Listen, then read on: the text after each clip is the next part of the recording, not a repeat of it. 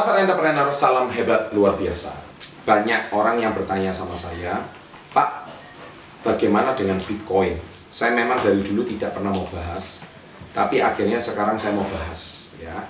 Karena setelah uh, instrumen, setelah saya riset, dulu saya tidak mau membahas, tapi sekarang saya mau bahas apakah itu penipuan, apakah itu scam, ya, apakah itu sifatnya uh, menyesatkan masyarakat, apakah dan pro dan kontranya saya akan ulas melalui video yang satu ini.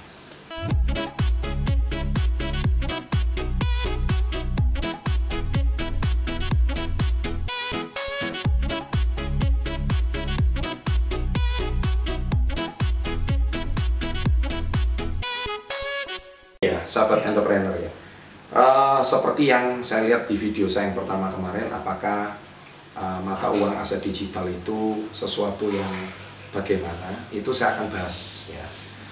Video ini saya buat tujuannya satu yaitu saya ingin memberikan edukasi yang positif kepada masyarakat Indonesia tentang salah satu jenis instrumen investasi yang berjangka panjang. Sekali lagi saya ulangi, berjangka panjang.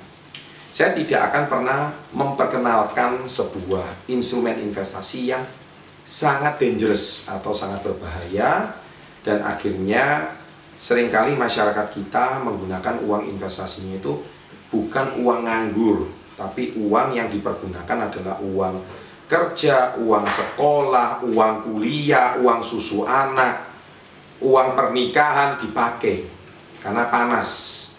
Ya. Nah itu saya sangat anti, channel Success Before 30 sangat anti memperkenalkan investasi yang sejenis itu. Tidak terkecuali Bitcoin. Nah, jadi saya akan hari ini akan sharing sebetulnya kenapa baru kali ini saya akan mulai membahas masalah Bitcoin. Ya, sekali lagi saya katakan Bitcoin itu adalah mata uang digital, mata uang dunia maya. Zaman sekarang kita lihat Facebook sudah mulai membuat digital asset bernama Libra.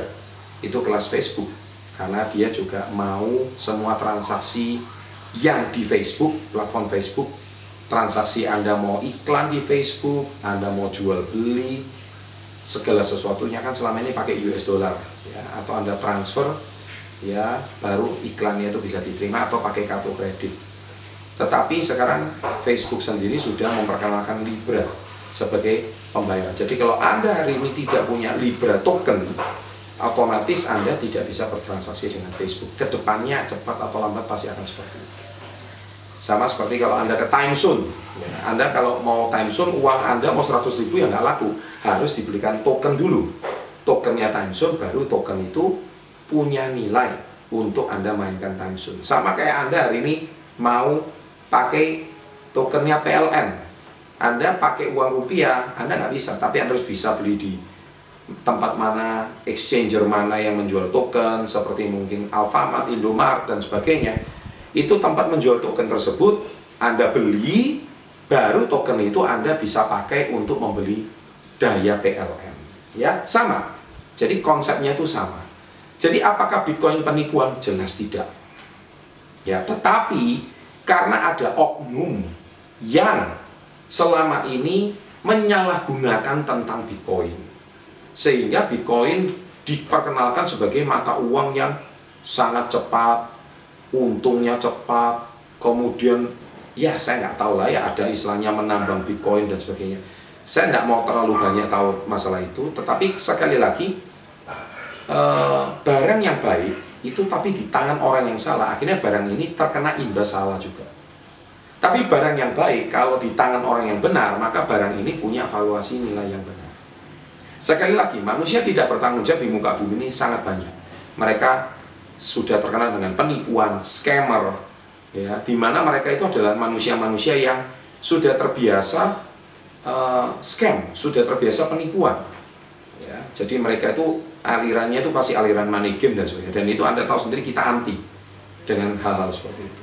Nah, saya mulai research belakangan tentang dunia uh, aset digital ini.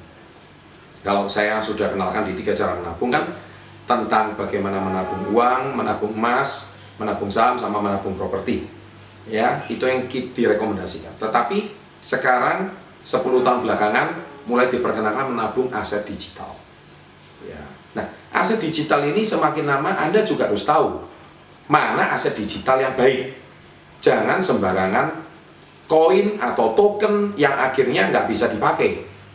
Anda lihat, uh, kenaikannya ratusan persen, ribuan persen dalam hitungan hari, kemudian besoknya juga langsung bisa jatuh. Nah, sering kali kita itu teriming-iming oleh janji manis seperti itu. Nah, hati-hati. Tapi kalau seperti kayak Luno, ini adalah sebuah aplikasi yang mana memberikan edukasi positif tentang bagaimana sih kita mengenal dunia aset digital ini ke depannya. Saya sendiri sudah download aplikasi Luno. Dari Luno ini saya dapat informasi banyak bagaimana sih pemula bisa membeli aset digital. Nah, Anda bisa membelinya lewat Luno.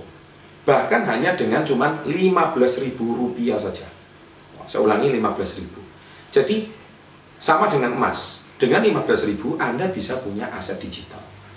Nah, dari informasi tersebut ya minimal Anda bisa sisihkan split sebagian. Ada yang emas, ada yang kemudian dengan aset digital. Tapi sekali lagi, saya sudah bilang sekali, investasi itu harus uang nganggur. Anda letakkan, kemudian beberapa hari, uh, jangan beberapa hari, beberapa bulan atau tahun kemudian Anda bisa pandang. Dan Anda jangan lihat terus ini kok nilainya naik turun, jangan Ya, kenapa Pak aset digital itu nilainya sangat fluktuatif seperti di video pertama saya buat bahwa penggunanya masih sangat sedikit. Saya ilustrasikan di video pertama tentang rumah kos. Kalau satu rumah kos itu isinya adalah tiga kamar, kalau penghuninya hilang satu, maka Anda penghasilannya hilang 33%. Tapi kalau rumah kamar, rumah kos ini kamarnya 20, Anda hilang tiga peng tiga penghuni, Anda masih punya 17 penghuni. Jadi kestabilan income, nah tiga penghuni itu cuma berapa persen? Tidak sampai eh, uh, 20 persen. Nah kestabilannya itu karena apa? Penggunanya banyak, pemakainya banyak. Nah aset digital itu juga sama, karena ini adalah mata uang digital aset ke depan di industri 4.0 ini, otomatis ya karena penggunanya masih sedikit, kita harus edukasi sampai pengguna ini panjang.